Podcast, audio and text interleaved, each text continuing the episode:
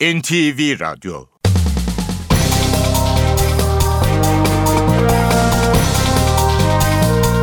İşe Giderken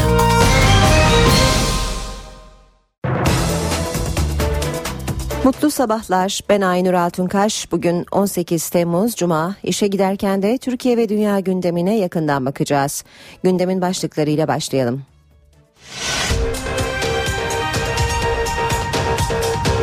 İsrail Gazze'ye yönelik hava saldırılarının 10. gününde kara harekatına da başladı. Harekatın amacı Gazze'den İsrail'e uzanan tünellerin vurulması olarak açıklandı. İlk belirlemelere göre biri çocuk 6 kişi öldü.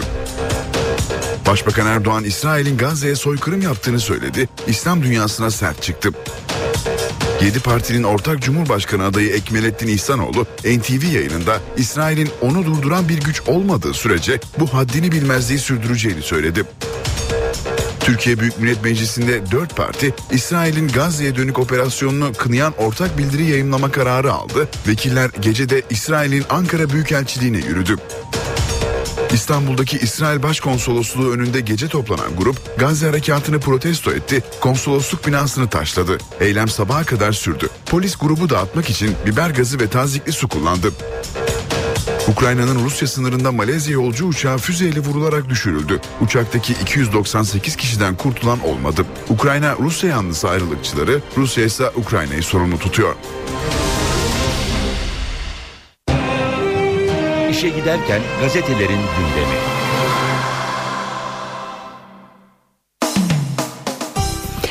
Basın özetlerine milliyetle başlayacağız. Sürmanşet durmuyor. İsrail Gazze'ye kara harekatı başlattı.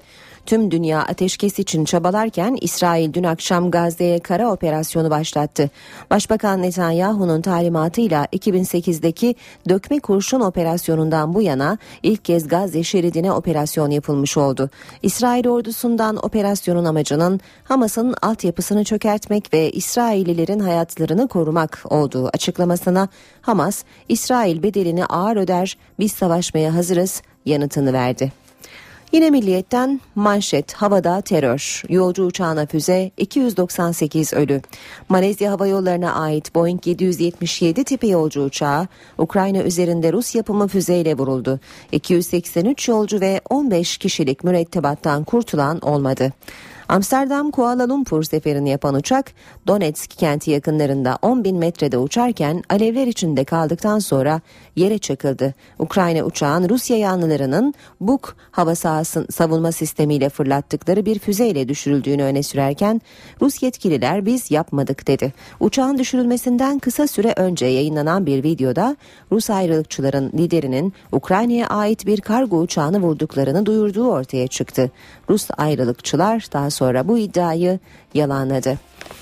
Bir uçakta kaybolmuştu. Malezya Hava Yolları'na ait Kuala Lumpur Pekin seferini yapan uçak da 8 Mart'ta kaybolmuştu. 227 yolcu ve 12 kişilik mürettebatın öldüğü açıklanırken enkazın bulunamaması komplo teorilerine neden olmaya devam ediyor diyor Milliyet. Dink ailesi için hak ihlali kararı. Anayasa Mahkemesi öldürülen gazeteci Hrant Dink'in ailesinin bireysel başvurusunu görüştü. Toplantıda Dink cinayetinde etkili soruşturma yapılmadığı gerekçesiyle ailenin haklarının ihlal edildiğine karar verdi. Dink ailesinin daha önce e, Avrupa İnsan Hakları Mahkemesi'nden aldığı yeterli soruşturma yapılmadığı ve devletin Dink'i koruyamadığı yönündeki hükmü kararda etkili oldu. Hürriyetle devam edelim. Çöken pistin havuz problemi diyor Hürriyet manşette. Erzurum'da kayakla atlama pistlerinin çökmesinde en büyük etken zirvedeki yapay iki göletin basınç oluşturması. Profesör Ahmet Ercan 100 milyon lira harcanarak yapılan tesisin üst kısmında iki yapay göl yapılmasını eleştirdi. Bu projede ağırlık azaltılacağına gölet alanla ek ağırlık bindirilmiş. Gölet alanlar yük yaratır. Yamaç buna direnir ama direnç de bir yerde kırılır. Kırıldığı yerde de çökme yaşanır. Bu olağanüstü bir mühendislik hatası dedi. Devam edelim. Ee, yine Hürriyet gazetesinden aktarmaya. İsrail ordusu 5 yıl sonra Gazze'ye girdi demiş Hürriyet'te. İsrail ordusunun 3 Yahudi gencin Batı Şeria'da ölü bulunmasının ardından başlattığı operasyonun 10. gününde dün Gazze'ye girdi. Kente bombalar yağarken İsrail birlikleri kuzeydeki Beyt Lahya beldesine girdi diyor Hürriyet. Ateistim beni de sevecek misiniz? Cumhurbaşkanı adayı Ekmelettin İhsanoğlu ekşi sözlük yazarlarının zor sorularını uzun uzun yanıtladı. İşte sorular. Ateistim beni de sevecek misiniz? Camiler ahır olacak mı? Seçilirseniz dinlemeler için ne yapacaksınız? Devam ediyoruz Sabah gazetesiyle. İsrail vahşeti karaya indi diyor sabah manşetinde. Gazze'ye havadan ölüm yağdıran İsrail kara harekatı içinde düğmeye bastı. Sınırı geçen tanklar dünyanın gözü önünde katliama başladı. Salon sosyetesi ülke yönetemez. Başbakan Erdoğan'ın açıklamaları buldular bir monşer halkın karşısına çıkardılar. Salon sosyeteleriyle bu ülke yönetilmez. Haber Türkiye'ye bakalım şimdi de uçağı vurdular diyor sürmanşette Habertürk. Malezya uçağı 298 kişiyle düştü. Kurtulan yok. Ukrayna uçağı Rus ayrılıkçıların düşürdüğünü öne sürdü. Obama Putin'i aradı. Habertürk'ün manşeti kara harekatı neredesin İslam dünyası. İsrail Gazze'ye dün gece 8 bin askerle kara harekatı düzenledi. Başbakan Netanyahu düğmeye bastı. Karadan ve denizden yoğun bombardıman başladı. Başbakan Erdoğan Dünya İslam Bilginleri Zirvesi'nde konuştu. Kur'an'ın emri ortadayken Müslümanların yaşadıklarını izah etmek mümkün değil. İsrail Gazze'ye bomba yağdırıyor. Dünya susarken Müslüman dünyası da susuyor. Neredesin İslam dünyası? Yüreğin parçalanmıyor mu? Devam ediyoruz ee, yine Habertürk gazetesinden aktarmaya. Hani monşerdim? Profesör İhsanoğlu'nun açıklamaları. Bilinirliğim %30'la başlamıştı, 77'ye ulaştı. Başbakan beni dini istismar etmekle eleştiriyor. Hani monşerdim? Selahattin Demirtaş'a 2 milyon lira hedefi demiş yine bir başlıkta Habertürk. Diyarbakır'da yüzün üzerinde iş adamı Demirtaş için Cumhurbaşkanlığı kampanyası başlattı. Hedef 2 milyon Türk lirası toplamak. Amatem'de bonsai. Tehlikenin geldiği nokta demiş Habertürk Haber'de uyuşturucu tedavi merkezi Amatem'in bahçesinde bonsai içenleri görüntüledi ve görüştü diyor özel haberde. Kullananlar uyuşturucu illetini şöyle anlattı. Bonsai ile Amatem'de tanıştım. İlk burada kullandım. Tedaviye gelenler uyuşturucu tacirlerinin elindeler. Burada bile folyoya sarıp içiyorlar demiş. Habertürk'ün haberinden aktardık. Cumhuriyet gazetesinde fena yakalandılar başlığı manşette. Fezlekeleri meclisten kaçıran AKP'nin dizi pusulası yok bahanesi doğru çıkmadı. CHP 4 eski bakan hakkındaki yolsuzluk ve rüşvet fezlekelerini muhalefet milletvekillerinin görmemesi için savcılığa geri gönderen AKP'nin dizi pusulası yok gerekçesini çürüttü. Dizi pusulasında soruşturma dosyası kapsamında yer alan tüm belge, bilgi ve kayıtlar tek tek tasnif ediliyor. Meclis Soruşturma Komisyonu'nun CHP, MHP ve HDP'li 6 üyesi komisyona bugün olağanüstü toplantı çağrısı yaptı. Yetkisiz olarak fezlekeleri iade eden AKP'li Komisyon Başkanı Köylü, ben gördüğüme göre karar verdim, toplantıya da ben karar veririm dedi. Gazze operasyonu ve Malezya'da füzeyle vurulan e, yolcu uçağına ilişkin haberleri Cumhuriyet Gazetesi'nin birinci sayfasında da görüyoruz. Yeni Şafak gazetesi sivil uçak vuruldu 295 ölü diyor. Hemen altında da katiller Gazze'de başlığı var. Dünya seyrediyor. 7 Temmuz'dan bu yana Gazze'yi havadan vuran İsrail ordusu dün akşam kara harekatı başlattı. Binlerce asker İsrail Başbakanı Netanyahu'nun talimatı üzerine zırhlı araç ve tanklarla Gazze'ye girdi. İstanbul ayakta İstiklal Caddesi'nde toplanan binlerce kişi İsrail'in Gazze'ye saldırısını protesto etti. İHH Genel Başkanı Yıldırım protesto eden kalabalıklar her geçen gün artacak İsrail malları boykot edilecek dedi. Yeni parti iddiasına yalanlama, Köşk e, bir gazetede dışlandık Gül de anladı başlığıyla yayınlanan haberi yalanladı. Açıklamada haberin tümüyle gerçek dışı olduğu belirtilerek Cumhurbaşkanı Gül hiçbir zaman yeni bir parti kurma düşüncesinde olmadı denildi. Ve Zaman Gazetesi Gazze yanıyor manşetiyle çıkmış. İsrail binlerce askerle işgale başladı. Bir diğer başlık Suriyeli köprü altında yaşam savaşı veriyor. İç savaştan kaçarak Türkiye'ye sığınan Suriyeli sayısı resmi olmayan rakamlara göre 2 milyona yaklaştı. Sığınmacıların 224 bini çadır kentlerde, geriye kalanların çoğu ise birçok şehirde parkta, köprü altında ve metruk binalarda hayata tutunmaya çalışıyor. Ramazan'da iftar çadırlarından aldıkları yiyeceklerle besleniyor. Bir başka başlık demokrasideki tıkanma 10 Ağustos'ta giderilecek. Cumhurbaşkanı adayı Profesör Doktor Ekmelettin İhsanoğlu İstanbul'da ağırladığı gazetelerin genel yayın yönetmenlerine çarpıcı açıklamalarda bulundu. Halkın mevcut kötü gidişata karşı çok müte müteyakkız olduğunu ve bir uzlaşı arayışına girdiğini belirtti. İhsanoğlu, Türk demokrasisinin önündeki tıkanma 10 Ağustos'taki seçimle giderilecek dedi. İlk turda oyların %60'ını alacağını, ikinci tura gerek kalmayacağını ifade etti. Saat 7.17 NTV Radyo'da işe giderken haberlerin ayrıntılarıyla sürüyor. İsrail hava saldırılarının 10. gününde kara operasyonuna başladı. İsrail Başbakanı Benjamin Netanyahu'nun orduya kara harekatı talimatı vermesinin ardından İsrail ordusu dün akşam harekete geçti. İlk belirlemelere göre biri çocuk 6 kişi öldü. Bu İsrail'in 5 yıl aradan sonra Gazze'ye gerçekleştirdiği ilk kara harekatı. Binlerce askerini Gazze sınırına yığan İsrail, bölgeye yönelik kara harekatına başladı. İsrail Başbakanı Benjamin Netanyahu'nun orduya talimat vermesinin ardından ordu birlikleri harekete geçti. Harekatın başlamasıyla ilk önce Gazze'nin kuzeyindeki Beit Lahya'dan çatışma haberleri geldi. Gazze'ye giren İsrail askerleriyle Filistinli gruplar arasında çatışmalar yaşandı. İsrail'in topçu ateşiyle desteklediği saldırılarda Filistinlilerden hayatını kaybedenler ve yaralananlar oldu. Hamas'a ağır darbe indirileceğini belirten İsrail ordusunun kara harekatı amacının Gazze'den İsrail'e uzanan tünellerin vurulması olarak açıklandı. İsrail Başbakanı Benjamin Netanyahu ise Hamas'ın İsrail'e tünel kazarak büyük bir saldırı hazırlığında olduğunu iddia etti ve amacımıza ulaşana kadar yani İsrail'de sükunet sağlanana kadar operasyonlar sürecek dedi. Hamas ise kara operasyonunun aptalca olduğunu ve korkunç sonuçlar olacağını duyurdu. Bu İsrail'in Gazze'ye yönelik ilk kara harekatı değil. İsrail 2008 yılının Aralık ayında hava operasyonuyla başladığı saldırılarını 3 Ocak 2009'da kara harekatına dönüştürmüştü. İnsan hakları örgütleri İsrail ve Hamas'ı savaş suçu işlemekle suçlamıştı. Yaşanan savaşta yaklaşık 1500 Filistinli ve 13 İsrailli yaşamını yitirdi. 2012'de de İsrail 8 gün süren hava saldırılarının ardından kara operasyonu düzenleneceğinin sinyalini vermiş, Gazze sınırına yine asker yığmış ancak son anda vazgeçmişti.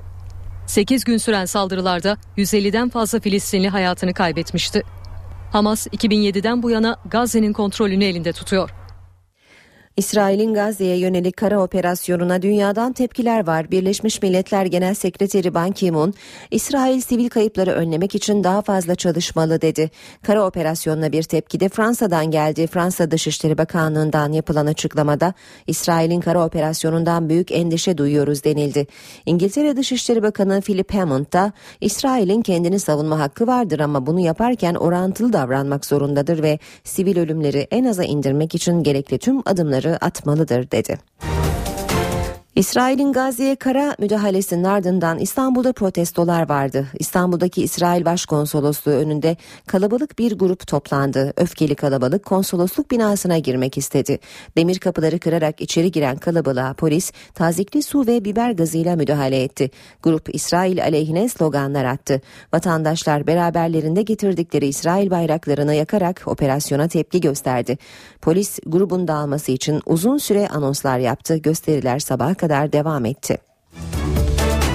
Filistin Devlet Başkanı Mahmut Abbas bugün İstanbul'da Cumhurbaşkanı Abdullah Gül ve Başbakan Erdoğan'la görüşecek. Mahmut Abbas İstanbul'a iner inmez saat 16'da Atatürk Havalimanı'nda Cumhurbaşkanı Abdullah Gül'le bir araya gelecek. Görüşmenin ardından iki lider kameraların karşısına geçecek ve ortak bir basın toplantısı düzenleyecek. Filistin Devlet Başkanı saat 22'de de Dolmabahçe Sarayı'nda Başbakan Erdoğan'la bir araya gelecek. İki isim gelişmeleri değerlendirecek. Bundan sonra atılacak adımlara ilişkin görüş alışverişinde bulunacak. Başbakan Erdoğan, İsrail'in Gazze'de sistematik soykırım yaptığını söyledi. Erdoğan, İsrail'in bunu her Ramazan ayında tekrarladığını vurguladı. 10 gündür İsrail Gazze'ye bomba yağdırıyor. Bunu ilk kez yaşamıyoruz. 1948 yılından bu yana her gün, her ay özellikle de mübarek Ramazan aylarında biz bu sistematik soykırım girişimine şahit oluyoruz. Başbakan Recep Tayyip Erdoğan, İsrail'in Gazze saldırılarını soykırım olarak niteledi. Diyanet İşleri Başkanlığı'nın İstanbul'da düzenlediği Dünya İslam Bilginleri toplantısında konuşan Erdoğan, Birleşmiş Milletleri sessiz kalmakla eleştirdi. Ancak İslam dünyasına yönelik eleştirisi çok daha sert oldu. Burada bir şey söylemek zorundayım. Özel eleştiri dedim ya. Dünyayı suçlamak, batıyı suçlamak işin en kolay tarafı. Dünya susarken, batı susarken maalesef İslam dünyası da susuyor. Soruyorum neredesin sen ey İslam dünyası? Senin canın yanmıyor mu ya? Senin yüreğin parçalanmıyor mu ya? Başbakan Erdoğan, İslam dünyasının mezhep çatışmaları nedeniyle kan gölüne döndüğünü söyledi. Birlik çağrısını yineledi. Kardeşlerim, ölen çocuk Sünni ya da Şii olmaktan öte bizim öz be öz çocuğumuzdur. Ağlayan kadın Sünni ya da Şii olmaktan öte bizim öz be öz kardeşimizdir. 7 partinin ortak Cumhurbaşkanı adayı Ekmelettin İhsanoğlu, İsrail'in kara harekatı ile ilgili değerlendirmesini NTV yayınında yaptı. İhsanoğlu, İsrail'in onu durduran bir güç olmadığı sürece bu haddini bilmezliği sürdüreceğini söyledi. Hüner, İsrail'e bağırıp çağırmakta değil, icraat yapmakta dedi. İsrail bunu ilk defa yapmıyor. Ve bunu 2008 senesinde yaptı, 2009 senesinde yaptı, 12 senesinde yaptı, daha önce yaptı, daha sonra da yapacak. İsrail'in önünde onu durduran bir güç olmadığı takdirde bunu yapacaktır. Ne olacak yani hakikaten Bu, böyle? bu şımarıklık, bu haddini bilmezlik, bu kanun tanımazlık İsrail hükümetlerinin tavrıdır. Ee, 67'den bu yana İsrail bunu yapıyor ve yaptığı yanında kar kalıyor. Çünkü uluslararası camia yani Güvenlik Konseyi vetoyla kilitlenmiştir. Filistin'i Birleşmiş Milletler'ine sokabildiğimiz için ve Filistin devleti Birleşmiş Milletler'in gözlemci üyesi olduğu için gidip Uluslararası Ceza Mahkemesi'nde dava açabilir. Mesela İsrail'e karşı bağırıp çağırmak falan değil, icraat yapmak. Doğru icraat yapmak. Hüner orada. Meclis Genel Kurulu'nda dört siyasi parti İsrail'in kara harekatının kınanmasına ilişkin bir bildirinin yayımlanmasını benimsedi. Meclis Genel Kurulu'ndaki görüşmeler sırasında söz alan CHP Grup Başkan Vekili Akif Hamza Çebi, CHP olarak İsrail'in bütün saldırılarını kınadıklarını söyledi ve dört siyasi parti olarak İsrail'in bu kara harekatını kınayan bir bildirinin yayınlanmasını teklif etti. MHP Grup Başkan Vekili Oktay Vural da Dışişleri Bakanı'nın bu konuda parlamentoya bilgi vermesini ve siyasi partiler olarak ortak tavır geliştirilmesine zemin hazırlanmasını istedi. AK Parti Grup Başkan Vekili Ahmet Aydın ve HDP Grup Başkan Vekili İdris Baluken de bu konuda bir meclis iradesinin ortaya çıkması gerektiğini bildirdi. Meclis Başkan Vekili Sadık Yakut, Grup Başkan Vekilleriyle yaptığı toplantıdan sonra ortak bildirinin gün içinde yayınlanması yönünde görüş birliğine varıldığını belirtti. Cumhurbaşkanı Abdullah Gül, Dünya İslam Bilginleri Barış, İtidal ve Sağduyu İnisiyatifi toplantısına katılan konuklar onuruna Dolmabahçe Sarayı'nda verilen iftara katıldı. Gül, din adamları siyasi otoriteden ve yüksek mevkideki kişilerden çekinmemeli, hakkı ortaya koymalı dedi. İslam dünyasının çok sıkıntılı günlerden geçtiğini belirten Abdullah Gül, bazen basiretsizlikler, bazen ihtiraslar, bazen çok başka arzular, mezhepleri, dinleri, çeşitli akımları kendilerine istismar ederek aslında bu çatışmalara merhem vermektedirler. Bunun altında kendilerine güç çıkarmak isteyen akımlar, otoriteler ve bütün güç toplamak isteyenler vardır dedi. İdareciler başka sahiplerle farklı yollara kayabilirler diyen Gül, siz o zaman ilim adamı olarak hakkı doğruyu ortaya çıkarıp koymalısınız şeklinde konuştu. Dışişleri Bakanı Ahmet Davutoğlu, İsrail'in Gazze'ye yönelik kara harekatına Twitter üzerinden tepki gösterdi. Tüm ülkelerin İsrail'in bu hukuk tanımazlığına dur demesini bekliyoruz dedi. İnsanlık vicdanının Filistin meselesiyle sınandığını belirten Davutoğlu, bu kapsamda Birleşmiş Milletler Genel Sekreteri Ban Ki-moon'la görüştüğünü ve Güvenlik Konseyi'nin toplanması için çağrı yaptığını açıkladı. Ayrıca İslam İşbirliği Teşkilatı ve Birleşmiş Milletler İnsan Hakları Konseyi'ni de olağanüstü toplantıya çağırdıklarını belirtti. Davutoğlu, Amerika Dışişleri Bakanı John Kerry ile de telefonda görüştüğünü, Filistinlilerin kabul edebileceği sürdürülebilir bir ateşkesin bir an önce sağlanması için görüşlerini paylaştığını ifade etti. Dışişleri Bakanı harekatın durdurulmasına yönelik Hamas ve El Fetih yetkilileri, Katar Dışişleri Bakanı ve İslam İşbirliği Teşkilatı Genel Sekreteri ile temaslarının sürdüğünü kaydetti. Diyanet İşleri Başkanı Mehmet Görmez'e göre İslam dünyası fetret döneminden geçiyor. İstanbul'da düzenlenen Dünya İslam Bilginleri toplantısında konuşan Görmez, mazlumun da zalimin de dinine bakılmaz dedi. Mezhep çatışmalarının durması için akil adamlar heyeti oluşturulmasını önerdi. Mazlumun da zalimin de dinine ve mezhebine bakılmaz. Her nerede olursa olsun mazlum ve mağdura dini ve mezhebi sorulmaksızın kucak açılır ve her kim olursa olsun dinine ve mezhebine bakılmaksızın zalime karşı olmak vicdan ahlakının gereğidir. Bugün tarihimizde de birkaç defa yaşanmış olan büyük bir fetret döneminden geçmekteyiz. Bu fetret döneminin getirdiği ızdıraplar umutsuzluğa yol açmamalıdır. İstanbul'da yapılan bu toplantıyı bir ahde ve misaka dönüştürelim. Buradan yapacağımız çağrıyı her yere ulaştıralım çağrımızı sözde bırakmayıp eyleme dönüştürerek bilge şahıslardan müteşekkil akil insanlar heyeti oluşturalım. Bu heyet öncelikle çatışmaları durdurarak Müslümanların kanlarının akmasını önleyip İslam şehirlerinde barışın ve esenliğin hakim olmasına vesile olsunlar.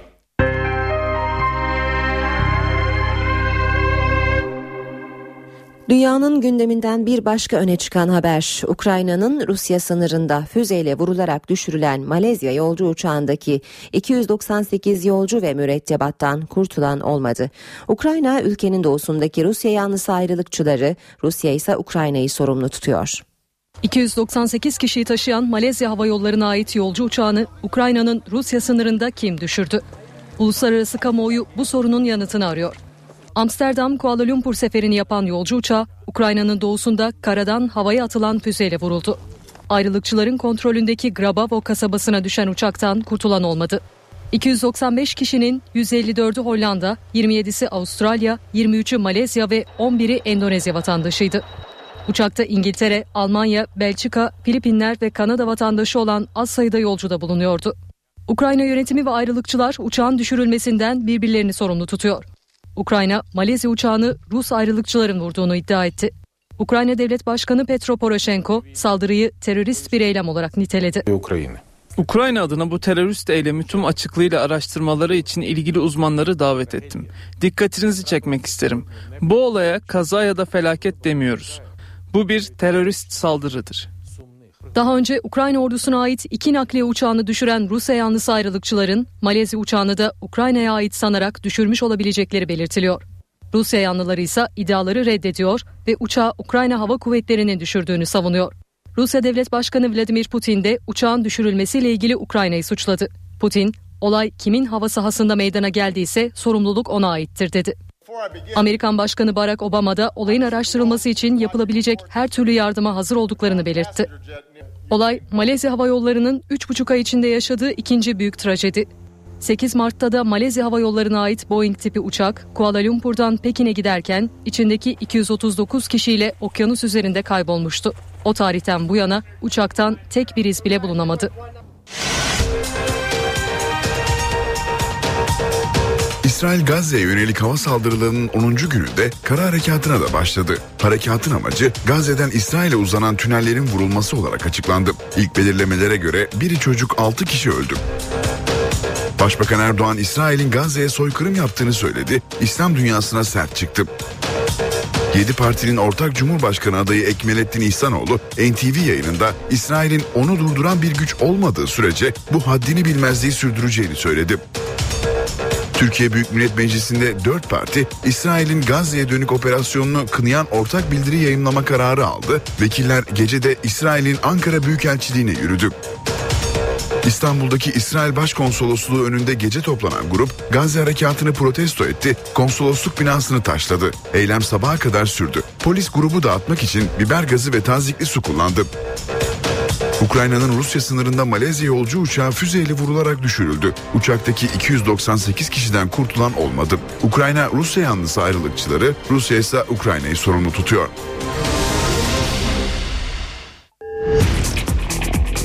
Spor haberleri başlıyor.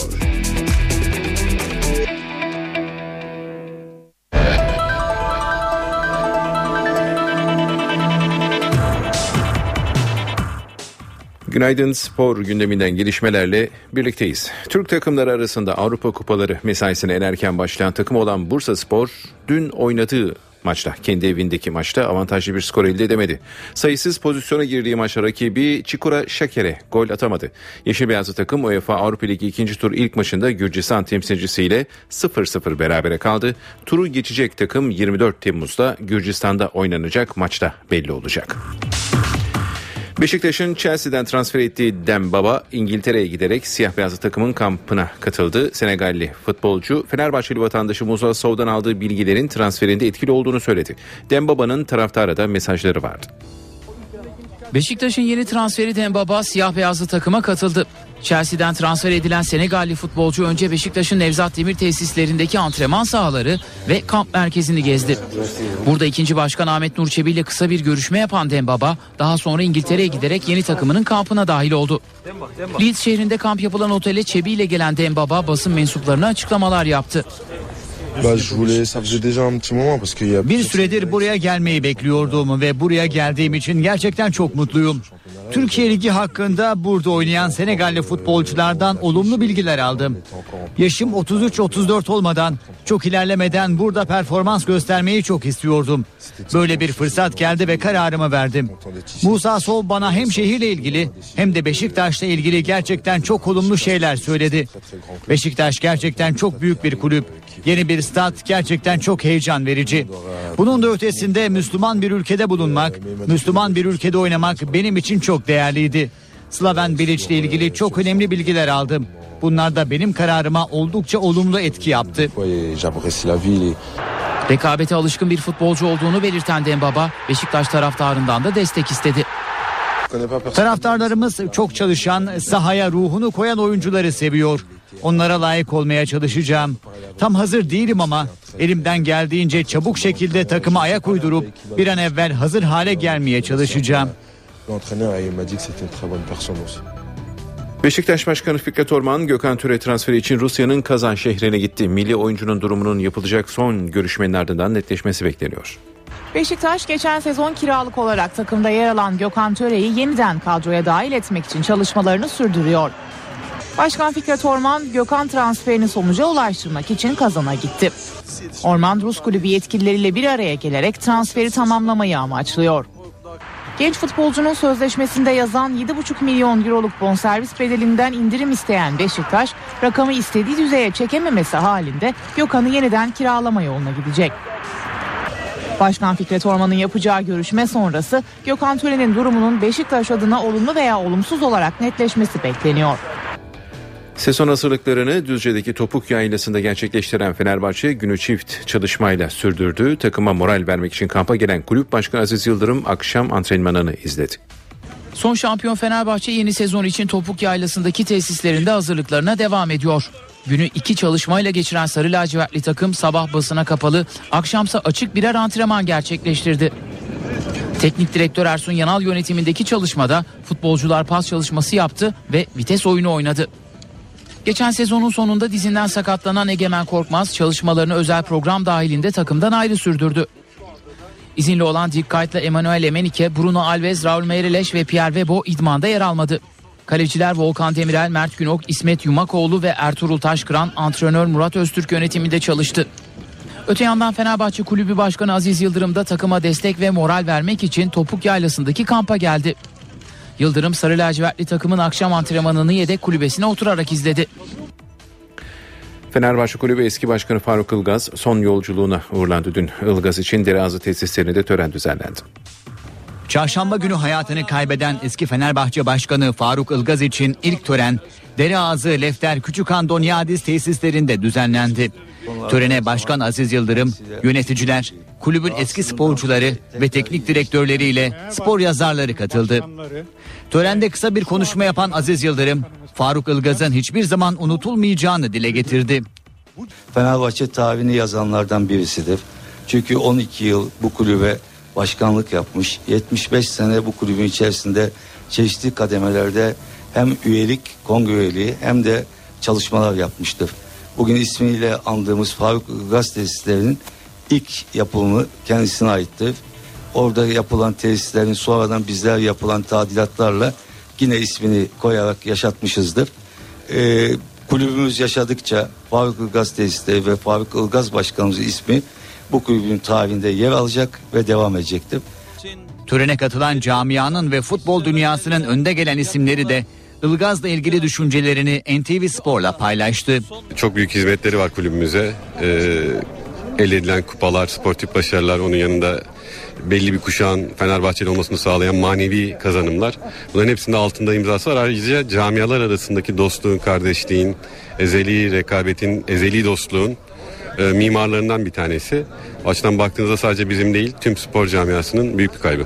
O kadar büyük insandı, o kadar güzel ve düzgün insandı ki kelimeler onu tarife yetmeyecek. E, Ben onun başkanlığını, büyük başkanlığını değil, büyük insanlığını e, ancak söyleyebilirim. Bundan çok şey öğrendik. Gerek geniş kültürü eee, ve gerekse insan sevgisi, beşeri ilişkileri çok üstün vasıfları olan bir kimlikti, kişilikti. Ilgaz'ın naaşı daha sonra Şakir'in Camii'ne getirildi.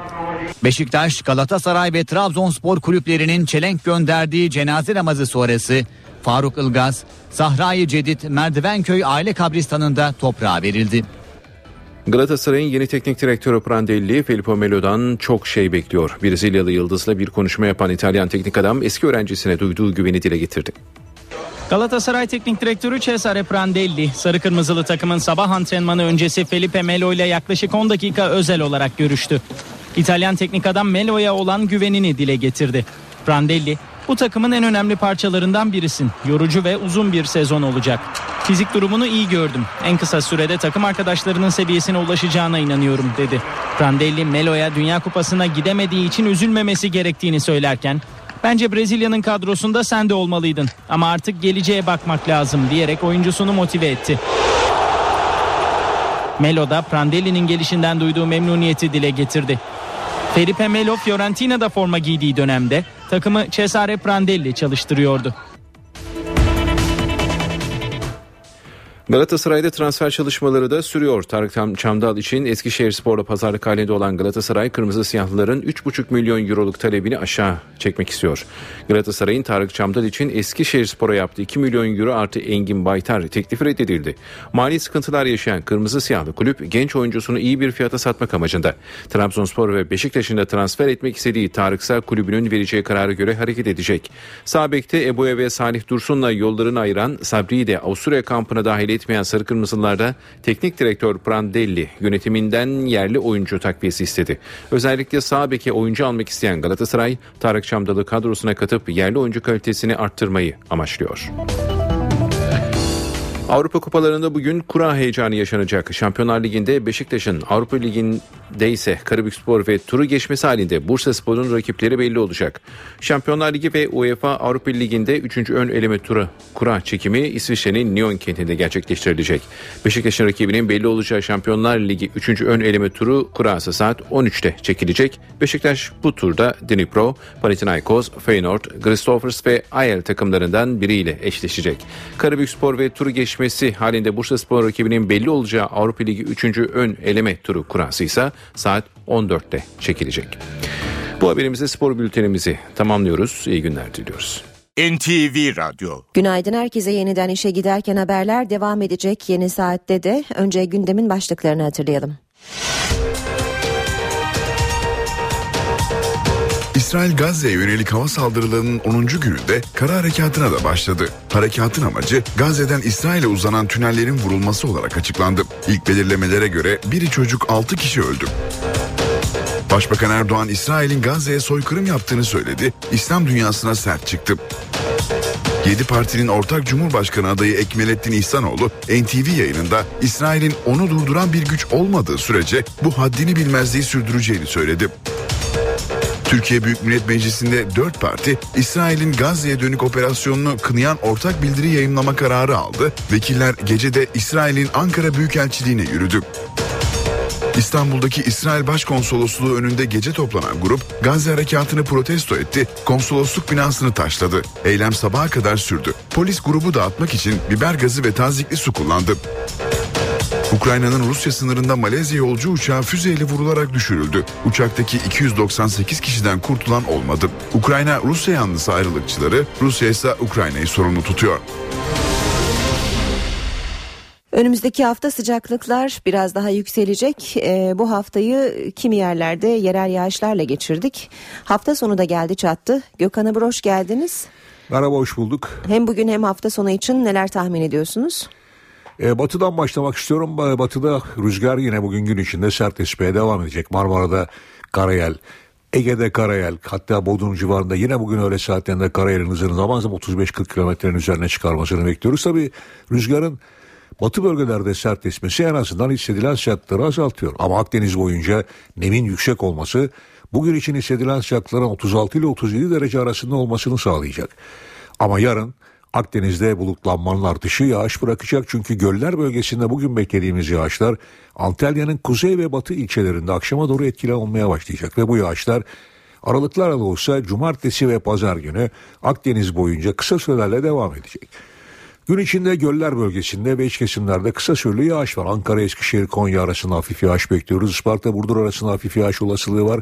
Hemen kuzeye çıkmak istiyorum çünkü Batı Karadeniz bölgesinde sabah saatlerinde Kastamonu'da vardı. Önümüzdeki saatler içinde özellikle Karabük, Kastamonu, Sinop arasında yağış var. Daha sonra Trabzon, Rize, Arfin arasında hafif yağış geçişleri görülecek.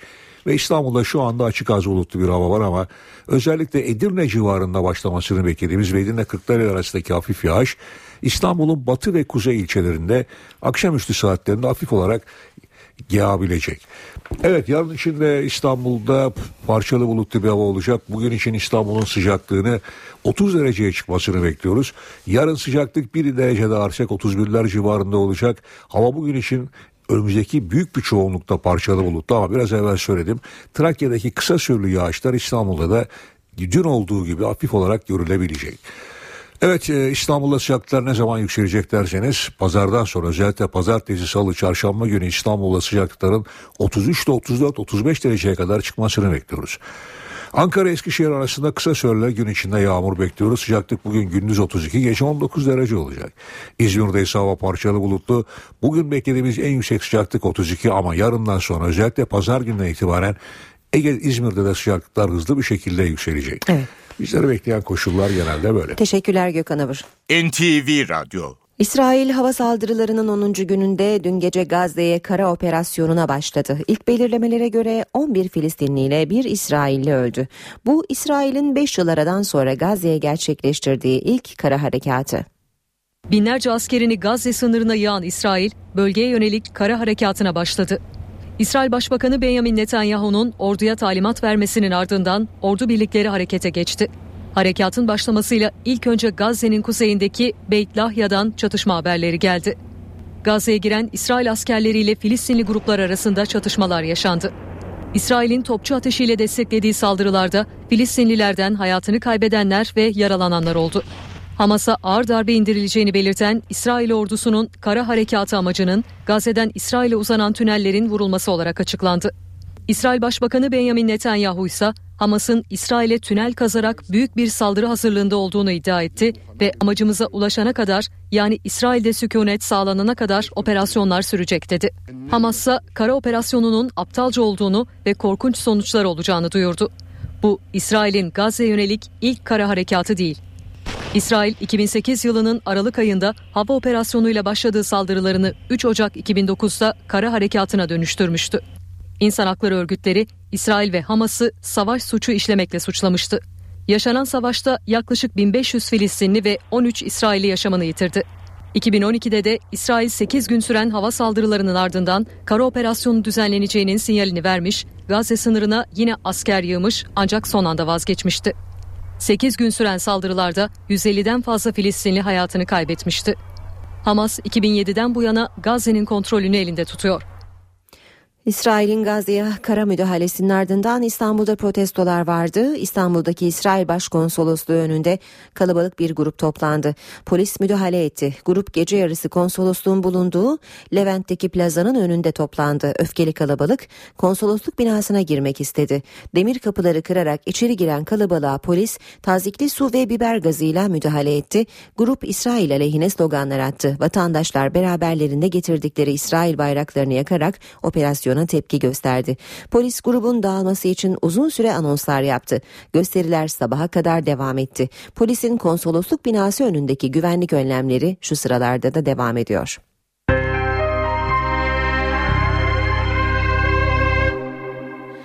Cumhurbaşkanı adayı Başbakan Recep Tayyip Erdoğan, Artvin Hopa'da İnsani Yardım Vakfı'nın iftar tırına yönelik saldırıyı sert bir dille eleştirdi. Tekirdağ'daki mitingde konuşan Başbakan, provokasyonun arkasında CHP ve Gülen cemaatinin olduğunu söyledi. Başbakan daha sonra İstanbul'da düzenlenen Türgev iftarına katıldı. Hedefinde yine Gülen cemaati vardı. 17 ve 25 Aralık darbe girişimlerinin ardından Türgev ismi üzerinden bir tuzak bir komplo oluşturulmak istendi. Bir vakfı hedefe koyup ona alçakça iftiralar atmanın takdir edersiniz ki başka bir gayesi vardı. Pensilvanya bütün bu hesapları bir maşa olarak ihale almış bir taşeron olarak başkasının adına halletmek istiyordu. Bu ülkede kendilerinden başkasının yurt açmasına tahammül edemiyorlardı. Cumhurbaşkanı adayı Başbakan Recep Tayyip Erdoğan bu açıklamayı Türkiye Gençlik ve Eğitime Hizmet Vakfı'nın İstanbul'da düzenlediği iftar programında yaptı. Türgev üzerinden komplo düzenlenmek istendiğini söyledi. Erdoğan iftardan önce ise Tekirdağ'daki mitingde halka seslendi. Artvin Hopa'da yaşanan gerginliği değerlendirdi. Vandallar toplanıyor, bu yardım kuruluşuna saldırıyor. CHP'li bazı milletvekilleri de bu alçakça saldırıyı destekliyor. Pensilvanya medyası aynı şekilde bu alçakça saldırının arkasında duruyor. Başbakan Türk bayrağını indirme girişiminde bulunanları da sert bir dille eleştirdi. Bu HDP'ye de gereken cevabı vermemiz lazım. Niye? Çünkü son zamanlarda bayrağımıza yönelik yapılan bazı uygulamalar gereken cevabını bulmaya başladı. Daha ileri giderse bunun bedeli ağır olur. Bunu bilmeleri lazım. Başbakan Büyük Birlik Partisi'nin Ekmelettin İhsanoğlu'nu desteklemesini de eleştirdi. Muhsin Yazıcıoğlu kardeşimin mirasını taşıyan parti gitmiş şimdi bu adaya destek vereceğini açıklamış. Allah aşkına bu nasıl bir karnı genişliktir? Bu nasıl bir ilkesizliktir? Artvin Hopa'da önceki gün İnsani Yardım Vakfı'nın iftar tırına yönelik saldırıya ilişkin soruşturma sürüyor. Şimdiye kadar 18 kişinin ifadesine başvuruldu. Hopa İlçe Emniyet Müdürü Ergin Duru ile birlikte 3 polis amiri de görevden alındı. Hopa Cumhuriyet Savcılığı tarafından yürütülen soruşturma kapsamında ekipler MOBESE kayıtlarını inceledi. Olaya karıştığı iddiasıyla 40 kişilik şüpheli listesi oluşturuldu. 18 kişi savcılıktaki ifadesinin ardından serbest bırakıldı. Bu arada Hopa İlçe Emniyet Müdürü Ergin Duru ile bir emniyet amiri, bir başkomiser ve bir de komiser yardımcısı görevden alındı. Yedi partinin ortak adayı Ekmelettin İhsanoğlu Cumhurbaşkanı seçilirse Başbakan Erdoğan'la çalışmak istediğini söyledi. NTV yayınına katılan İhsanoğlu vatandaşa oyunuza sahip çıkın dedi. Cemaatin kendisini desteklediği iddiasını yalanladı. Sayın Başbakan'ın e, başbakanlığını beğeniyorum. Hatta ben istiyorum ki güzel projelerini devam ettirsin başbakan olarak. Yedi partinin çatı adayı Ekmelettin İhsanoğlu, Cumhurbaşkanı olursa Başbakan Recep Tayyip Erdoğan'la çalışmaya devam etmek istediğini söyledi. Vatandaşa oyunuza sahip çıkın mesajı verdi. Hem oy kullanmak lazım hem oyuna sahip çıkmak lazım. Trafoya kediler giriyor, fareler giriyor, elektrikler kesiliyor falan gibi böyle şeyler hoş sürprizler oluyor. Bu sürprizleri önlemek lazım. NTV yayınına katılan İhsanoğlu çözüm sürecine ilişkin tavrını açıkladı. Şimdi siz bir Kürt olarak doğuyorsunuz. Kendi vatanınızda ve size diyorlar ki sen Kürtçe konuşamazsın. Bu insanlık dışı bir şey. Savaşı durdurmak için ne yapması lazım gelirse ben bunun yanında olacağım. Ekmelettin İhsanoğlu'nun gündeminde Alevilerin cemevleri ibadethane sayılsın talebi de vardı. Yani şimdi onlar bu şekilde kabul ediyorlarsa bunu devletin yardımcı olması lazım. Bu Hacı Bektaşi Veliler, Yunus Emreler bunlar olmasaydı bu coğrafya devam etmezdi. Varlığımızı biz onlara borçluyuz. İhsanoğlu cemaatin kendisini destekleyeceği yönündeki iddiaları yalanladı. Bu okullar bizim medar iftiharımızdı. Ben bu cemaatin başka herhangi bir cemaatin mensubu değilim. Ben vatandaşa hitap ediyorum. Dün cemaatle beraber olmak, bugün aleyhinde olmak o benim işim değil. Benim zaten cemaatlerle hiçbir zaman işim olmamıştır. Ekmelettin İhsanoğlu adaylığına ilişkin CHP'den yükselen itiraz seslerini de değerlendirdi. Benim ismime karşı olan tavır büyük kısmı beni şahsen yakından tanımamalarıdır. Veya benim hakkımda farklı fikirlere sahip olur. Ben bunun hemen hemen giderildiğini çok iyi biliyorum. Çünkü o insanlardan bana gelip biz sizi konuşmalarınızı dinledikten sonra ak dediğinize kara, kara dediğinize ak demediğinizi gördük. Onun için biz destek. Cumhurbaşkanı Abdullah Gül'ün yeni parti kuracağı iddiası Köşk tarafından yalanlandı. Açıklamada Gül'ün hiçbir zaman yeni parti kurma düşüncesi olmadığına dikkat çekildi. Partiden dışlandık. Erdoğan'dan rahatsızlığını dile getirmeye başladı. Yeni bir partide siyasete devam işareti verdi. Cumhuriyet gazetesinde yer alan Cumhurbaşkanı Abdullah Gül'le ilgili habere Çankaya Köşkü'nden yalanlama geldi. Bugün bir gazetede dışlandık, Gül de anladı başlıklarıyla yayımlanan haber tümüyle gerçek dışıdır. Hiçbir zaman yeni bir parti kurma düşüncesinde olmamıştır. Köşkün açıklamasında Sayın Cumhurbaşkanımız haberde iddia edilen konulara ilişkin düşüncelerini daha önce çeşitli vesilelerle kamuoyuyla paylaşmıştır da denildi. Haberde Gül'ün yakın çevresine kurucusu olduğumuz partinin dışına düşecek duruma geldik dediği iddia ediliyordu. Haberin ardından başlayan yeni parti mi kuracak tartışmasına Gül yaptığı açıklamayla son noktayı koydu. Cumhurbaşkanı böyle bir düşüncesinin olmadığını açıkladı. CHP lideri Kemal Kılıçdaroğlu Cumhurbaşkanı seçimine ilişkin uyarılarda bulundu. Kılıçdaroğlu köşk adayı olarak Ekmelettin İhsanoğlu'nu göstermelinin nedenlerini de anlattı. İlk kez rejime yönelik bir kaygı taşıyor vatandaşlar. Eğer rejime yönelik kaygı bir şekliyle derinleşirse Türkiye farklı bir ortama girebilir. Asıl çatışma, asıl kavga, asıl istikrarsızlık o dönemde çıkmış olur ortaya. CHP lideri Kemal Kılıçdaroğlu uyardı. Cumhurbaşkanının temsil görevi olduğuna vurgu yapan CHP lideri icra görevinin başbakana ait olduğunu belirtti. Başbakan Recep Tayyip Erdoğan Cumhurbaşkanı seçilirse devletin zirvesinde çatışma yaşanır dedi. İlk çatışma başbakanla cumhurbaşkanı arasında çıkar. Bir anayasa fırlatıldı ne oldu? Yarın bırakın anayasayı kitaplar fırlatılacak. Kılıçdaroğlu Kanal Avrupa Televizyonu'nda konuştu. Cumhurbaşkanı adayı olarak neden Ekmenettin İhsanoğlu'nu gösterdiklerini anlattı. Bir sosyal demokrat mı CHP olarak düşünüyor? Bir sosyal demokrat mı? Hayır bir sosyal demokrat değil. Ama biz niye istiyoruz böyle birisi cumhurbaşkanı olsun? Ben de rahatlıkla diyeyim benim cumhurbaşkanımdır. Köyde kahvede oturan Mehmet Efendi de demeli. Almanya'da fabrikada çalışan bizim işçi arkadaşımız da demeli ki evet Türkiye Cumhuriyeti'nin cumhurbaşkanı. Kılıçdaroğlu Orta Doğu'ya barışı İhsanoğlu'nun getireceğini savundu. Orta Doğu'yu görüyorsunuz. Kan gölüne dönmüş Orta Doğu. Müslüman Müslümanı öldürüyor. Orta Doğu'ya barışı getirecek olan isimdir. Ekmelettin İhsanoğlu. Huzuru getirecek is- isimdir. Anayasa Mahkemesi Hrant Dink davası için hak ihlali kararı verdi. Yüksek Mahkeme cinayetin işlenmesinde ihmali bulunan kamu görevlileri hakkında etkin soruşturma yapılmadığına hükmetti. Hrant Dink cinayetinde etkili soruşturma yapılmadı. Dink ailesinin hakları ihlal edildi. Karar Anayasa Mahkemesi'nden. Hrant Dink'in eşi, kardeşi ve çocukları cinayete ilişkin etkin bir soruşturma yapılmadığı, yürütülen soruşturma hakkında kendilerine bilgi verilmediği gerekçesiyle Anayasa Mahkemesi'ne bireysel başvuruda bulunmuştu. Yüksek Mahkeme başvuruyu karara bağladı. Dink cinayetinde etkili soruşturma yapılmadığı gerekçesiyle Dink ailesinin haklarının ihlal edildiğine karar verdi. Karar oy birliğiyle alındı. Dink ailesi başvurusunu Avrupa İnsan Hakları Mahkemesi'nin 14 Eylül 2010 tarihli kararına dayandırmıştı. Ahim o kararında Dink cinayetinin işlenmesinde ihmali bulunan kamu görevlilerinin yeterince soruşturulmadığına hükmetmişti. Aile Anayasa Mahkemesi'ne yaptığı başvurusunda cinayetin işlenmesinde ihmali bulunan kamu görevlilerine ilişkin soruşturmanın bitirilmemesinden şikayetçi oldu. Ailenin başvurusunda adı geçen kamu görevlileri arasında dönemin Emniyet Müdürü Celalettin Cerrah, Ahmet İlhan Güler ve diğer 6 polis bulunuyor. Dink cinayeti davasında özel yetkili İstanbul 14. Ağır Ceza Mahkemesi'nin örgüt yok kararını Yargıtay bozmuştu. Dink davası İstanbul 5. Ağır Ceza Mahkemesi'nde sürüyor. İşe giderken haberler sürüyor. İsrail Gazze'ye hava saldırılarının 10. gününde kara operasyonu da başlattı. Başkentte tepkiler var. Ee, Dışişleri Bakanı'nın da e, telefon trafiği oldu. Başbakan Erdoğan'ın tepkileri var. Şimdi Ankara'ya dönelim ve Özgür Akbaş'a soralım. Özgür Günaydın nedir e, tepkiler? Nasıl yankılanıyor operasyon Ankara'da? Günaydın Aynur. Ee, İsrail'in dün gece Gazze'ye yönelik 50 bin askerle başlattığı kara harekatı Ankara'da tam anlamıyla infiale ulaştı. Kara harekatına yönelik en sert tepki ve en büyük tepki Türkiye Büyük Millet Meclisi'nden geldi.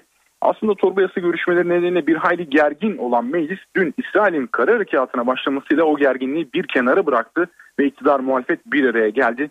Dört siyasi parti temsilcisi kendi sıralarından İsrail'in bu kara harekatını kınayan açıklamalarda bulundular ama bununla da kalmadılar. İsrail'e ortak bir bildiriyle kınama mesajı yayınlanması kararı aldılar. Bu bildirinin bugün Meclis Genel Kurulu'nda okunması bekleniyor. Hatta dün milletvekilleri genel kurulun kapanmasının hemen ardından 50-60 milletvekili ki aralarında CHP'li, MHP'li ve AK Partili milletvekilleri de var.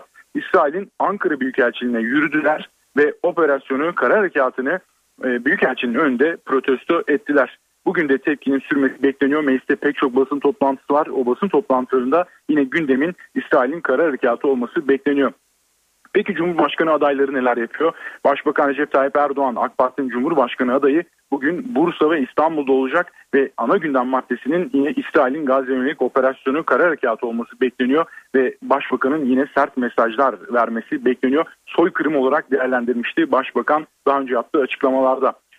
Ekmelettin İhsanoğlu 7 partinin ortak adayı Ekmelettin İhsanoğlu ise bugün Konya'da olacak. Konya'dan yine onun da ana gündem maddesinin İsrail'in Gazze yönelik kara harekatı olması bekleniyor. Konya'dan mesajlarını verecek İsrail'i kınaması bekleniyor Ekmelettin İhsanoğlu'nun. HDP'nin Cumhurbaşkanı adayı Selahattin Demirtaş ise Avrupa turunu sürdürüyor. Avrupa'dan Demirtaş'tan e, Avrupa'dan mesajların gelmesi bekleniyor. Evet gözler bombaların yağdığı ve kara harekatının başladığı Gazze'de bu kapsamda bugün İstanbul'da çok önemli bir buluşma yaşanacak. Filistin Devlet Başkanı Mahmut Abbas bugün İstanbul'da olacak. Abbas Cumhurbaşkanı Abdullah Gül ve Başbakan Recep Tayyip Erdoğan'la bir araya gelecek. Abbas ilk olarak İstanbul'a iner inmez saat 16'da Cumhurbaşkanı Abdullah Gül ile bir araya gelecek. Bu görüşmenin ardından iki ismin kameraların karşısına geçerek bir ortak basın toplantısı düzenlemeleri bekleniyor. Filistin Devlet Başkanı saat 22'de ise Dolmabahçe Sarayı'nda Başbakan Erdoğan'la bir araya gelecek. İki ismin gelişmeleri değerlendirmesi ve bundan sonra atılacak adımlar ilişkin görüş alışverişinde bulunması bekleniyor. Ankara'dan son not yine Cumhurbaşkanı Abdullah Gül'ün programı olsun. Cumhurbaşkanı Mahmut Abbas yapacağı görüşmenin ardından Ankara'ya gelecek ve Cumhurbaşkanlığı Muhafız Alayı'nın 94. kuruluş yıl dönümü kutlama törenine katılacak. Aynur. Özgür teşekkürler. Başkentin gündemini aldık Özgür Akbaş'tan. Sıcak gündeme bir ara verelim. Ekonomi başlığıyla devam edelim. Merkez Bankası faiz oranlarında çifte indirime gitti. Kurul politika faizi olan bir hafta vadeli repo ihale faiz oranını piyasa beklentisi doğrultusunda yarım puan indirdi ve %8,25'e çekti. Gecelik borçlanma faiz oranı da %7,5'a çekildi. Şimdi faizleri değerlendirecek Profesör Doktor Güngör Uras Ayşe teyze ne yapsın köşesinde. Ayşe teyze ne yapsın? Güngör Uras, Ayşe teyze ekonomide olan biteni anlatıyor. Merhaba sayın dinleyenler, merhaba Ayşe teyze, merhaba Ali Rıza Bey amca. Uzun süredir faizlerin indirilmesi için Merkez Bankası'na baskı yapılıyordu. Merkez Bankası beklentiler doğrultusunda faizde az da olsa bir indirim yaptı. %8.75 olan politika faizi yarım puan indirildi %8.25 oldu. Faiz koridoru olarak isimlendirilen ve tavanı %12 tabanı %8 olan koridorun tavanına dokunulmadı ama taban yarım puan düşürüldü yüzde yedi buçuğa indirildi. Bu faizler doğrudan bankaların mevduat faizlerini ve kredi faizlerini etkilemez. Merkez Bankası bankaların bankasıdır. Açıklanan faiz oranları paraya ihtiyacı olan bankaların Merkez Bankası'ndan borçlanırken ödeyecekleri faizi gösterir. Her banka Merkez Bankası'ndan borçlanarak iş yapmaz. Ne var ki Merkez Bankası'ndan borçlanarak iş yapan bankalar için de borçlanmadan iş yapan bankalar için de Merkez Bankası'nın faiz oranları önemlidir. Bankalar faiz oranlarını belirlerken Merkez Bankası'nın açıkladığı faiz oranlarına göre faizi indirirler veya yükseltirler. Merkez Bankası'nın bankalardan para alırken bankalara para verirken uyguladığı faiz oranlarının en önemlileri politika faiz oranı ile faiz koridorunun üst sınır ve alt sınırı için belirlenen faiz oranlarıdır. Politika faizi şimdilerde Merkez Bankası'nın bankalara borç verirken uyguladığı faiz oranıdır. Bu nedenle %8.75'ten %8.25'e indirilmesi önemlidir.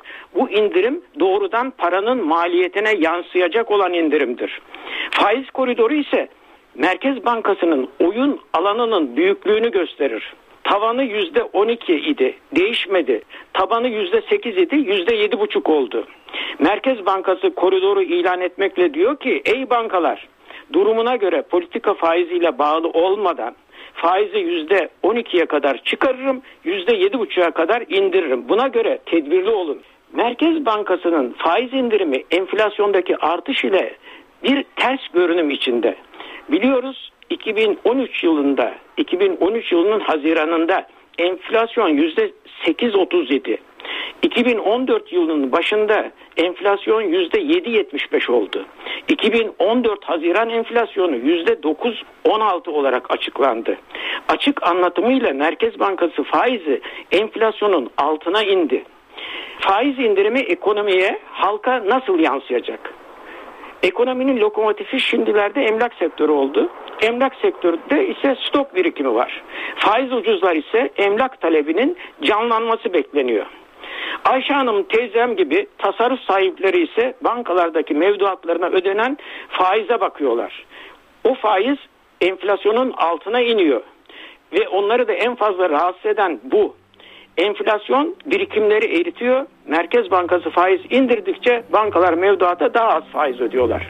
Bir başka söyleşide birlikte olmak ümidiyle şen ve sen kalınız sayın dinleyenler. Güngör Uras'a sormak istediklerinizi ntvradio.ntv.com.tr adresine yazabilirsiniz.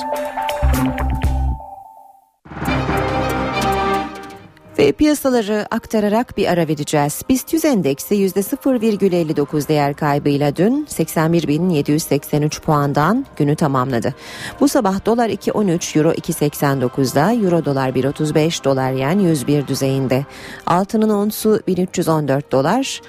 Gram altın 92, çeyrek altın 145 lira, Brent petrolün varili 108 dolar. İsrail Gazze'ye yönelik hava saldırılarının 10. gününde kara harekatına da başladı. Harekatın amacı Gazze'den İsrail'e uzanan tünellerin vurulması olarak açıklandı. İlk belirlemelere göre biri çocuk 6 kişi öldü. Başbakan Erdoğan İsrail'in Gazze'ye soykırım yaptığını söyledi. İslam dünyasına sert çıktı.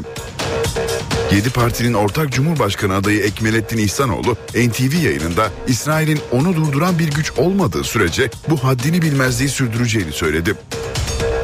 Türkiye Büyük Millet Meclisi'nde 4 parti İsrail'in Gazze'ye dönük operasyonunu kınayan ortak bildiri yayımlama kararı aldı. Vekiller gecede İsrail'in Ankara Büyükelçiliğine yürüdü. İstanbul'daki İsrail Başkonsolosluğu önünde gece toplanan grup Gazze harekatını protesto etti, konsolosluk binasını taşladı. Eylem sabaha kadar sürdü. Polis grubu dağıtmak için biber gazı ve tazikli su kullandı. Ukrayna'nın Rusya sınırında Malezya yolcu uçağı füzeyle vurularak düşürüldü. Uçaktaki 298 kişiden kurtulan olmadı. Ukrayna Rusya yanlısı ayrılıkçıları, Rusya ise Ukrayna'yı sorumlu tutuyor. Günün sıcak gelişmesindeki son bilgileri bir kez daha aktaralım. İsrail ordusu 10 günlük saldırılarının ardından Gazze şeridine kara harekatına başladı. Kara harekatının başlamasından sonra 11 Filistinli ve 1 İsrail askeri hayatını kaybetti. 8 bin İsrail askeri Refah ve Han Yunus kentlerinden Gazze şeridine girdi. Ayrıca İsrail ordusu havadan ve denizden de vuruyor. İsrail Başbakanı Benjamin Netanyahu harekatın amacının Gazze şeridinden İsrail topraklarına giden tünelleri vurmak olduğunu söyledi. İsrail için sükunet sağlanana kadar operasyonların süreceğini belirtti. İsrail ordusu 18 bin yedek askeri de göreve çağırdı. Hamas ise kara harekatının korkunç sonuçları olacağını duyurdu. Kara harekatı dün 5 saatlik ateşkesin ardından başladı. İsrail'in Gazze'ye yönelik 10 gündür süren hava operasyonunda 247 Filistinli hayatını kaybetmişti. Kara harekatının başlamasından sonra ise 11 Filistinli ve bir İsrail askeri hayatını kaybetti. İsrail'in Gazze'ye kara müdahalesinin ardından İstanbul'da protestolar vardı. İstanbul'daki İsrail Başkonsolosluğu önünde kalabalık bir grup toplandı. Polis müdahale etti. Grup gece yarısı konsolosluğun bulunduğu plazanın önünde toplandı. Öfkeli kalabalık konsolosluk binasına girmek istedi. Demir kapıları kırarak içeri giren kalabalığa polis tazikli su ve biber gazıyla müdahale etti. Grup İsrail aleyhine sloganlar attı. Vatandaşlar beraberlerinde getirdikleri İsrail bayraklarını yakarak operasyona tepki gösterdi. Polis grubun dağılması için uzun süre anonslar yaptı. Gösteriler sabaha kadar devam etti. Polisin konsolosluk binası önündeki güvenlik önlemleri şu sıralarda da devam ediyor.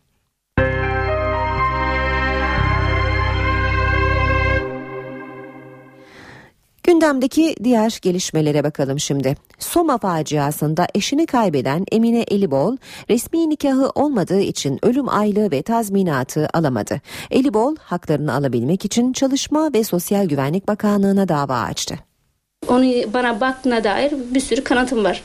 Ama bu kanıtlar aylık almak için yetersiz olduğunu söylüyorlar. Ramazan Sökmen Soma maden faciasında hayatını kaybetti. Ama resmi nikah olmadığı için eşi Emine Elibol ölüm aylığı ve tazminatı alamadı. İkimiz de yeni boşanmıştık. Bu işlemler tamamlanmadığı için resmi nikah yaptıramadık diyen Elibol, Çalışma ve Sosyal Güvenlik Bakanlığı'na dava açtı. Eşim ölmeden 3 gün önce nüfus dairesine gitti. Oradan daha nüfustan düşmediğini öğrendi. Ee, Ondan sonra zaten 3 gün sonra da vefat etti. Resmi nikah olmayanların durumu Enerji Bakanı Taner Yıldız'a da soruldu. Sayın Başbakanımız bunu salı günü açıklamışlardı. Bunun nasıl dağıtılacağını tabii Çalışma Bakanlığımızın yaptığı bir çalışma var. Kanunlar çerçevesinde bunlar düzenleniyor. Aile ve Sosyal Politikalar Bakanlığımızın yaptığı çalışmalar var. Bu çerçevede düzenleniyor. Ee, Bununla alakalı gelişmeleri de o iki bakanlığımız değerlendireceklerdir. Aile ve Sosyal Politikalar Bakanlığı da bu durumda olan iki kadın olduğunu ve dava sonucuna göre hareket edeceklerini açıkladı. Yani mahkeme resmi nikah olmayan eşleri haklı bulursa onlar da diğerleri gibi haklarını alabilecek. Adalet Bakanı Bekir Bozdağ, üniversite sınav sorularının açıklanması için Başbakan Tayyip Erdoğan'ın Milli Eğitim Bakanı Nabi Avcı'ya talimat verdiğini söyledi. Peki kararı uzmanlar ve öğrenciler nasıl karşıladı? Rehberlik uzmanı Burcu Serim, NTV'nin sorularını yanıtladı.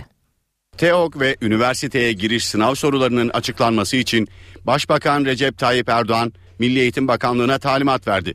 Bu talimat uzmanları memnun etti. Bence kesinlikle e, sorular açıklanmalı. Bu öğrencilerimiz için e, açısından çok daha iyi bir şey olacaktır. Çünkü e, öğrencilerin e, bu yılki soruları görebilmiş olmaları en azından e, ve bu yılki 11. sınıf öğrencilerinin önümüzdeki yıl değerlendirmeleri açısından da e, iyi bir veri olacaktır. E, hem hocalarımız açısından da e, en azından öğrencileri yönlendirmeleri e, açısından çok daha sağlıklı olacaktır. Bu yıla kadar merkezi sınav sonrası soruların tamamı açıklanıyordu. Ancak bu yıl Milli Eğitim Bakanlığı ve ÖSYM'nin kararıyla soruların yalnızca bir kısmı açıklandı. Hem öğretmenleri hem de öğrenciler kıyas ve değerlendirme yapılamadığı için kararı eleştirdi. E, En azından hani kendilerini değerlendirebilmeleri açısından e, çok sağlıklı olmadı. Geçmiş yıllarla bir kıyaslama e, yapabilmeleri açısından da bu durumu engelleyen bir şey olmuş oldu. Öğrenciler de sınav sorularının açıklanmasını istiyor. Mesela kendimden örnek vereyim. Ben e, sınav soruları açıklanmazsa tedirgin olurum. Yani doğru mu yanlış mı ona göre bir fikrim olmasını isterim yani. Bu sene açıklanmadı. Bu bizim için çok kötüydü. Hani yanlışlarımızı göremedik ve çok üzüldük aynı zamanda. Hangi soruda yanlış yaptığımızı öğrenemediğimiz için.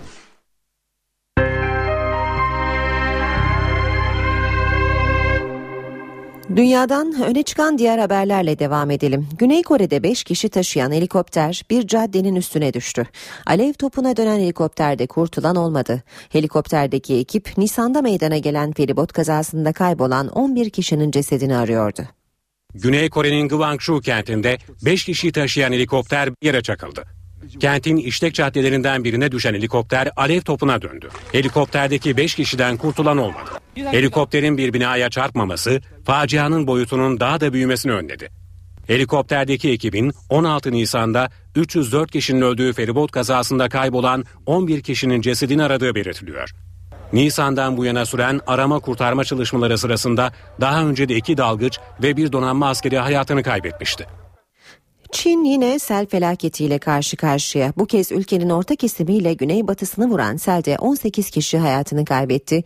5,5 milyon Çinli selden etkilendi. Çin sel felaketiyle mücadele ediyor. Şiddetli yağışın neden olduğu sel ülkenin orta kesimi ve güneybatısında etkili oldu.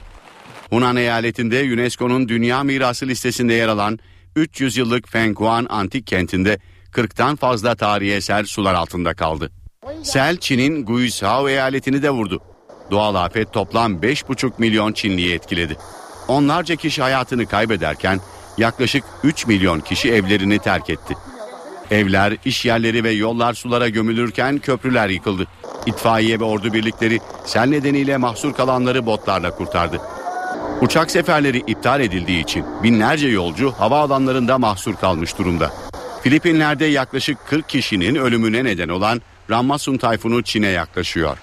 Tayfunun Çin'de etkili olması durumunda felaketin boyutlarının daha da artmasından endişe duyuluyor. Amerika Birleşik Devletleri'nin batısı ise son yılların en şiddetli kuraklığıyla mücadele ediyor. Ülkenin en verimli alanlarından Kaliforniya eyaletinde kuraklık tarımı vurdu. Eyalette su israfı yapanları para cezası bekliyor. Amerika Birleşik Devletleri'nin Kaliforniya eyaleti son 40 yılın en şiddetli kuraklığıyla karşı karşıya. Üst üste 3 yıldır devam eden kuraklık nedeniyle nehir ve barajlardaki su seviyesi rekor düzeye geriledi. Kaliforniya'daki kuraklık tarım ve hayvancılığı vurdu. Ülkenin tahıl ambarı konumundaki eyalette verim azaldı. Kuraklığın sadece bu yıl 2,2 milyar dolar zarara yol açması ve 17 bin kişiyi işsiz bırakması bekleniyor. Kaliforniya Valiliği uzun süredir alarmda. Son olarak eyalette su kullanımına yeni kısıtlamalar getirildi. Buna göre hortumla araba yıkamak, bahçe ve kaldırım sulamak yasak. Yasağa uymayanları 500 dolarlık ceza bekliyor. Yasak 1 Ağustos'ta yürürlüğe girecek ancak Kaliforniyalılar şimdiden dış mekanda su tasarrufuna gitmeye başladı. Sulanmayan çim alanlar yeşilden sarıya dönmüş durumda. Kısa dönemde yağış beklemeyen Kaliforniyalıların bazıları çareyi sararmış çimleri yeşile boyamakta buldu. Kaliforniya'da artık bahçeleri, mezarları, golf ve futbol sahaları gibi çim alanları yeşile boyayan bir şirket bile var. Kaliforniya'daki kuraklığın etkilerinin Amerika ile sınırlı kalmayacağı belirtiliyor. Birçok ülkeye sebze ve meyve ihraç eden bölgede üretimin azalmasıyla dünya gıda fiyatlarının yükselebileceği vurgulanıyor. Sıcaklar kalp hastalıklarını tetikliyor, krizlere yol açabiliyor. Peki belirtiler neler? Kimler risk grubunda? Nelere dikkat etmek lazım? Kalp damar cerrahı Profesör Doktor Ertan Sağbaş'a sorduk. Uzmanlar uyarıyor. Aşırı sıcak kalp krizini tetikleyebilir. Günde en az 2 litre su içmek şart. Peki kalp krizi belirti verir mi? Kriz geldiğinde bir kere çok şiddetli göğüs ağrısı olur ve hastalar e, tabir caizse bir ölüm korkusuna kapılırlar. E, hani boğazıma bir şey düğümleniyor gibi hissederler ve baskı e, hissederler göğüslerinde terlerler. Bazılarında kusmalar mide bulantıları, kusmalar buna eşlik eder. Ani ter boşalmaları olur. Ayaklarını kaldırarak böyle biraz e, tansiyonu desteklenmesi olabilir. E, işte e, kravatını gevşeteceğiz. E, etrafta kalabalık varsa onu açacağız. Rahat rahat nefes almasını sağlayacağız. Yakınlarında kalp rahatsızlığı olanlar risk grubunda. Genetik yatkınlığı olmayanlar için kalp krizi riskini %80 azaltmak mümkün. Eğer birinci derece akrabalarında kalp ameliyatı olan, kalp krizi geçiren, stent takılan kişiler varsa ve şeker hastası olanlar varsa bunlar bir kere e, mutlaka e, özellikle 35-40 yaşından sonra rutin kontrollere gidip check-up, kalp, kalp check-up'ı yaptırmak durumundalar. Tansiyonunuzu kontrol altında tutarsanız, kilo verirseniz, sedanter yaşantıyı bırakır spor yapar, yürüyüş yaparsanız, normal bireyler için söylüyorum, daha sağlıklı olacaklardır. Bu haberle işe giderken sona eriyor. Ben Aynur Altunkaş. Hoşçakalın. NTV Radyo